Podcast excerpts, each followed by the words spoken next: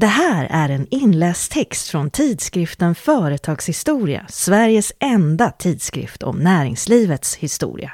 Texten finns även online på bistories.se. Den första surfvågen. Under mitten av 1990-talet började svenskarna ta sig ut på internet. Men hur blev det möjligt? Och vad gjorde vi när vi väl hade hittat dit? Vi blickar tillbaka på en tid då vi inte visste hur internet skulle komma att förändra våra liv för alltid. Året är 1994 och 20-årige Ragnar Lönn sitter i en liten varm kontorslokal hos serietidningsförlaget Semik i Sundbyberg och plockar bort prickarna på Nackatätorten, Älgö, där hans föräldrar bor. Det ger ordet algo, vilket betyder något på spanska. Ett företag vid namn Algonet skulle således betyda något nät. Det tyckte 20-åringen enligt god svensk sed lät opretentiöst, neutralt och bra och skrev på så sätt in Älgö i svensk internethistoria. Jag kommer från en uppfinnarfamilj. Vi har alltid letat efter lösningar, eller letat efter problem, som letar efter lösningar, snarare. Berättar Ragnar i en intervju med Internetmuseum och fortsätter. Det har aldrig varit en fråga om det går att göra eller inte eller om jag kan göra det. Kan någon annan göra det, så kan jag göra det. Det var snarare en fråga om hur. Världsomspännande nät. Ragnar Lunds tanke är något som få människor i världen ännu har funderat på. Han tycker att vi ska dra in något som kallas internet i våra hem. Han har försökt sälja in sin affärsidé ända sedan 1991 men Ragnar är för långt före sin tid. Han har besökt flera olika företag för att söka finansiering. Men under 1990-talets första år vet få företag vad internet är. Ännu färre förstår poängen med att installera det i privata bostäder. Under hela 1992 nämns internet till exempel enbart enstaka gånger i morgontidningen Dagens Nyheter. Håkan Borgströms artikel om svenska hackare som publiceras den 19 april är utförlig. Själva hackandet kan gå till så att en dator där hackaren känner sig hemma, till exempel någon av Televerkets datorer, rings upp från en persondator med modem. Hackaren beordrar sedan Televerkets dator att ringa vidare till en annan välkänd dator, exempelvis en universitetsdator, och denna dator beordras i sin tur att koppla in sig på ett världsomspännande datanät, till exempel internet. Svårt att få kapital. Själv lärde Ragnar känna internet genom universitetsvärlden redan 1989, där man via modem och telefonlinje kopplade upp sig på Sunet, ett nätverk mellan universitet och högskolor, för utbyte av information och, ska medges, flitigt nyttjande av textbaserade nätverksspel studenter emellan. Via det nordiska universitetsnätet Nordunet och en transatlantisk kabel kan man alltså ansluta sig till internet, som främst utgörs av datorer vid amerikanska universitet. Internet är alltså fortfarande en högst akademisk angelägenhet. Ragnar hittar ingen seriös företagssponsor 1991 utan ger sig ut på en jorden runt-resa istället. Allt fler storföretag, i synnerhet deras forskningsavdelningar, börjar dock få upp ögonen för värdet av att kunna dela databaser samt blixtsnabbt skicka information över världen. De vill också ansluta sig till nätet, men Sunet har inte kapacitet att tjäna Sveriges företag så skrotas Televerkets monopol på anslutning av telefonutrustning till telefonnätet. Men inom Televerket är man inte intresserad av att tillhandahålla något kommersiellt internet. Istället blir Swipnet, som 1994 går upp i Tele2, ett dotterbolag till Jan Stenbecks Convic Skyport 1991 det första företag utanför USA som erbjuder uppkoppling för privata företag. Privatpersoner måste vänta ytterligare tre år då Ragnar Lönn äntligen får gehör för sin affärsidé. Det är ett otippat företag med en förutseende VD som nappar. Bonniersägda förlaget Semik, som bland annat givit ut Fantomen i Sverige sedan 1950. De har noterat ett generellt minskat intresse för serietidningar och jultidningar. Algonet blir en perfekt nysatsning. Det är dåvarande VDn Torsten Larsson som tar beslutet. Samme Larsson som sedermera gör sig känd för sin utmärkta fingertoppskänsla och som senare kommer att klättra till VD för SF Studios och så småningom högsta skiktet hos Bonniers. Algonet skapas. Han ger Ragnar Lönn kontor, utrustning samt finansiering. Och inspiration när det gäller att göra det omöjliga möjligt. I rummet mitt emot sitter Spindelmannens redaktion. Så föds Algonet. Det första steget för företaget är att köpa en uppkoppling hos Swipnet som man i sin tur erbjuder privatkunder. Efter två månaders svettigt arbete i dubbel bemärkelse då sommaren 1994 råkar vara den varmaste sedan man började mäta och registrera temperaturer, är Algonet redo att ta sig an sina första kunder. Målsättningen är 400 användare det första året. Antalet användare kommer dock att växa med 20 procent per månad. På plattformen som har skapats för 400 användare trängs snart tiotusentals entusiaster, vilket leder till frekventa tekniska problem. Projekt Runeberg först. I takt med att antalet användare har ökat lavinartat har förstås också själva internet utvecklats. Under de första åren av 1990-talet består internet främst av textfiler som man tar del av genom webbläsaren Gopher, framtagen av universitetet i Minnesota, USA. Gopher presenterar internets innehåll i hierarkiskt ordnade mappar. Linköpings universitets dataförening, Lysator, är först i Sverige med att lägga upp en egen hemsida då man 1992 drar igång projekt Runeberg som gör nordisk litteratur äldre än 70 år tillgänglig på nätet. Några av de första titlarna är Fänrik Ståls sägner, bilder ur Nordens flora och Bibeln. Företagen ser potentialen. Det är omkring 1993 som World Wide Web och webbläsaren Mosaic från det amerikanska universitetet i Illinois slår igenom. Internet blir plötsligt både snyggare och mer effektivt när man inte längre behöver navigera via mappar utan kan peka och klicka på länkar i en meny eller fylla i en sökruta. Dessutom kan Mosaik hantera text och bildfiler i samma dokument. Nu börjar internet bli intressant på allvar, både ur politisk och kommersiell synpunkt.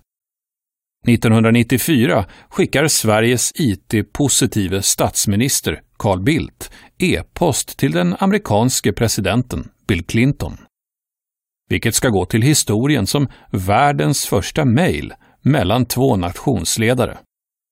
Samma år blir Aftonbladet den första svenska tidningen att ta steget ut på nätet. Fler tidningar följer samma väg när resultatet av årets riksdagsval för första gången skickas ut via mejl. Intresset får också gehör på bredare front. Man anar på politisk nivå att internet kommer att påverka samhället. Till exempel bildar Stockholms stad Stokab. Bolagets uppdrag är att tillhandahålla en konkurrensneutral IT-infrastruktur i regionen. 1995 kommer Bill Gates och företaget Microsoft på att man nog bör satsa på det här med internet. Plötsligt ingår en webbläsare Internet Explorer i det traditionella Office-paketet vid sidan om Microsoft Word och Excel. I Sverige skriver författaren och feministen Anna L. Valdés den första svenska internetboken som vänder sig till kvinnliga läsare, Kvinnor at Internet. Hon förklarar hur internetbaserat distansarbete kan bidra till jämställdhet för kvinnor som vill kombinera familj och karriär och hur internet på jobbet kan underlätta för bibliotekarier, forskare, lärare och sekreterare. Anna L. Valdés, som redan 1992 gav ut boken Jag älskar dataspel tillsammans med medredaktören Peter Englund, hade kommit i kontakt med internets föregångare redan under tidigt 1980-tal. Grundade tidigt e-magasin. Jag bodde i ett kollektiv med två unga tonåringar, berättar hon för Företagshistoria. Vi köpte en dator, en Commodore 64, och de spelade spel hela tiden. Jag var nyfiken. Jag upptäckte snart att det var en manlig värld och jag undrade varför våra kvinnliga erfarenheter inte fanns med. Dessutom upptäckte hon att historiens första programmerare faktiskt var en kvinna, Ada Lovelace Byron, brittisk 1800-tals matematiker och dotter till poeten Lord Byron. Och Grace Hopper, hon var en amerikansk amiral och en av dem som skapat världens första dator. Hon hade också hittat på ordet bugg för att beskriva fel i mjukvaran och hade hjälpt till att dekryptera den tyska koden under andra världskriget. Datorns historia var fylld av kvinnor, men de var nästan osynliga. Anna L. Valdez kommer att starta en digital tidskrift. Ada 1996 tillsammans med programmeraren Eva von Peppel. Och ger senare också ut boken Internet för humanister 2006. 1996 köps Algonet upp av det nystartade Telenordia och en helt ny plattform anpassad för massanvändning byggs. Även Televerket, som tidigare hade tackat nej till möjligheten av ett kommersiellt internet, väljer nu att satsa på privatkunder under företagsnamnet Telia. Telia, Telenordia och Tele2, tidigare Swipnet, är nu de största konkurrenterna på marknaden.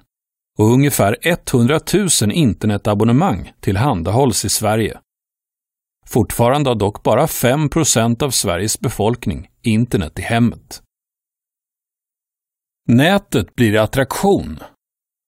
På Nöjesparken Liseberg i Göteborg kan man samma år, förutom karuseller och besöken av bland annat Suede, Nordman och Black Ingvars, testa en ny attraktion. Nätet, skapat i samarbete med Telia. Här finns 20 sprillans nya kraftfulla Intel Pentium-datorer där man för endast 30 kronor får pröva på att surfa på nätet. Ett uttryck som lär ha myntats av bibliotekarien Sean Armour Polly 1992 i 30 minuter. Nätet har också en virtual reality-anläggning och en utställning som utforskar möjligheterna med internet. Såsom att skicka och ta emot elektronisk post och att hålla videokonferenser. I huset finns två grönklädda guider som berättar och tipsar om hur internet kan användas. 1996 utses även Internetpaketet till årets julklapp. Det består av en instruktionshandbok, CD-ROM och diskett. Men endast själva paketet är förstås inte tillräckligt. Varje hem behöver också ett pipande uppringande modem som fortfarande är så pass dyrt att det subventioneras av internetleverantörerna. Dessutom måste man göra en investering i en betydligt större apparat än ett modem. En dator. Bredbandets genombrott. Ungefär ett av fyra svenska hushåll har en dator vid den här tiden. Priserna på persondatorer har börjat sjunka men 1997 kostar exempelvis en Compaq Presario 12 500 kronor, medan den bärbara IBM ThinkPad går på hela 45 000 kronor. För att höja nivån på svenska folkets IT-kunskaper och stärka Sveriges position som IT-nation lanserar regeringen Persson 1998 Hem-PC-reformen det blir möjligt för anställda att hyra hem företagsdatorer mot bruttolöneavdrag och att efter avtalsperioden köpa loss datorn till begagnat pris. Under reformens första tre år flyttar 375 000 datorer in i svenska hem. Och ytterligare en miljon människor får privat tillgång till internet. Samtidigt börjar fenomenen fast internet samt bredband att etablera sig. Fast internet, som alltså inte ockuperar hemmets telefonlinje, har tidigare bara funnits på storföretag och akademiska instanser. Men blir vid 1990-talets slut möjligt även för privatpersoner och mindre företag. Bredband gör internetåtkomsten betydligt snabbare då informationen bokstavligen skickas via, ja, breda band istället för smalband. Inte olikt en motorled med flera filer. Snabba fiberbaserade stads-, områdes och fastighetsnät börjar byggas och byggas ut, allt eftersom behov och efterfrågan ökar. Allt fler småföretagare ser de konkurrenskraftiga fördelarna med att finnas och inte minst att kunna hittas på internet. Det är alltså under den andra halvan av 1990-talet som svenskarna på allvar tar steget ut på nätet. Men vad gör vi när vi väl har hittat dit? Det börjar aningen trevande. Snygg kille Gbg, LOL? Frågetecken. Vi chattar, MSN, ICQ eller olika typer av chattrum låter oss småprata med fullkomliga främlingar under alias i stil med Lollo82 eller Snygg kille Gbg. Vi söker information. Alta Vista 1995 är den första stora sökmotorn som låter användarna skriva in hela fraser och inte bara sökord. Alta Vistas popularitet varar till 1999. Då kommer en ny tjänst med det märkliga namnet Google. Vi börjar skapa egna privata hemsidor och att blogga blir ett verb och inom ett par år rent av en karriär. Vi håller till i så kallade portaler. Telias satsning Passagen 1995 erbjuder horoskop, spel, nyheter, chattrum och till och med möjligheten att handla online. Postens initiativ, Torget.se 1996, satsar starkt på så kallat kvinnligt material. Sex och relationsrådgivning, spåkonst och chattintervjuer med kvinnliga artister och går in för att anställa kvinnor som redaktörer i den hittills mansdominerade branschen. Torget.se satsar också stort på näthandel tänkt att generera pengar åt posten, som ju levererar paketen. Men svenskarna är tveksamma och initiativet går med förlust. Den första verkliga näthandelssuccén lanseras av Henrik Nordström i skånska Fjälkinge. Efter ett besök på ICA, där han har studerat en anslagstavla full med köp och säljlappar, bestämmer sig Henrik för att starta en anslagstavla på nätet han döper webbsidan till Blocket.se. Blocket expanderar snabbt från Skåne och blir rikstäckande. År 2000 köper affärsmannen Pierre Siri upp 35 procent av företaget och går in som VD. 2003 säljs företaget till Schibsted för 183 miljoner kronor. Och Henrik Nordström flyttar till Thailand. Idag finns Blocket i 36 länder och är fortfarande en av Sveriges mest besökta webbplatser. Bubblan spricker. När allt fler företag inser att internet är något att satsa på uppstår också fenomenet webbyråer som specialiserar sig på marknadsföring och profilering på internet. Bazooka 1996 är en av de första. Webbyråerna klargör för svenska företag att deras hemsidor kan ha andra färger än grått och att det inte är nödvändigt med en .com-adress för att företag i USA ska kunna se hemsidan. Eller att man inte behöver resa till USA för att se amerikanska webbplatser. Webbyråerna blir så populära och talrika att de är en av de branscher som drabbas hårdast i mars 2000 när bubblan spricker och IT-bolagen tappar 300 miljarder kronor i värde på den svenska börsen. 2000-tal. Internet till alla. Det är först ett par år in på 2000-talet som internet på allvar inleder sin digitala invasion av våra hem innefickor och vår vardag.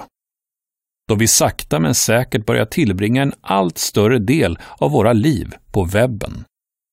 Då vi försöker hinna ikapp vad gäller etik och lagstiftning samtidigt som vi frejdigt fildelar musik och film. Napster 1999, Pirate Bay 2003. Eller hetsar upp oss i diskussionsforum, Flashback 1996. Men även kärleken blomstrar när online-dating drar igång på allvar. Spraydate 1999, Cruiser 2000. Eller när vi kan se och tala med våra nära och kära på andra håll i världen, helt gratis. Skype 2003. När online-spel skapar nya digitala världar, World of Warcraft 2004, samtidigt som information och kunskap blir allmän egendom när vem som helst kan bidra med information i uppslagsverk på nätet. Susning.nu 2001, Wikipedia 2001. Sedan slår sociala medier igenom på allvar, Facebook 2004 och sedan dess har ingenting varit sig riktigt likt. Idag abonnerar vi inte längre bara på själva internet, som numera tillhandahålls trådlöst i stort sett var vi än befinner oss. Idag behöver vi inte längre ladda ner filer, utan streamar videoklipp, film och musik via Youtube 2005, Spotify 2006, playtjänster eller mer eller mindre lagliga fildelningssidor, samtidigt som vi laddar ner e-böcker till vår iPad eller Kindle. Vi behöver inte längre uppsöka ett kontor när vi ska planera en resa, utan bokar själva såväl flyg som hotell efter att ha läst användarbetygen på Tripadvisor 2000.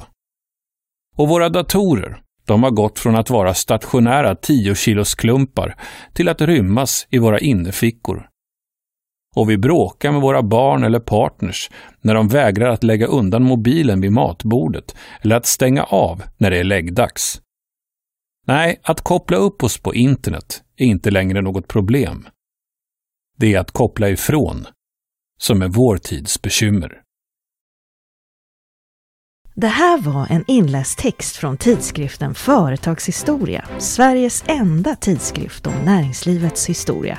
Texten finns även online på bistories.se.